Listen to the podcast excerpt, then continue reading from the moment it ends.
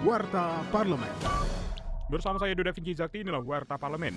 Anggota Badan Legislasi atau Balik DPR RI Lulu Nur Hamidah mendesak pemerintah segera membuat peraturan pemerintah atau Perpres yang memuat aturan turunan Undang-Undang Tindak Pidana Kekerasan Seksual atau RUU TPKS. Jangan menunggu waktu hingga maksimal 2 tahun setelah Undang-Undang TPKS disahkan.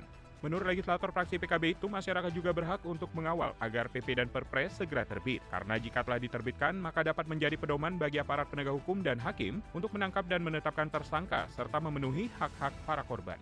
Warta Parlemen.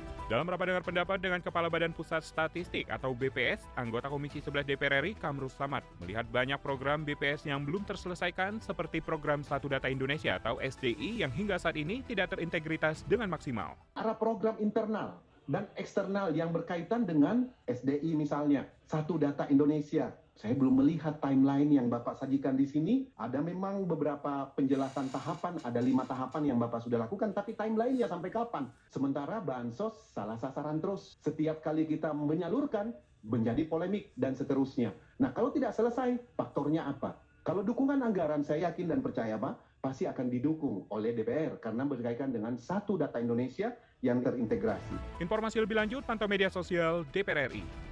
Wakil Ketua Komisi 8 DPR RI Marwanda Sopang melihat kualitas asrama haji Dono Hudan makin baik meskipun dikelola oleh pemerintah daerah.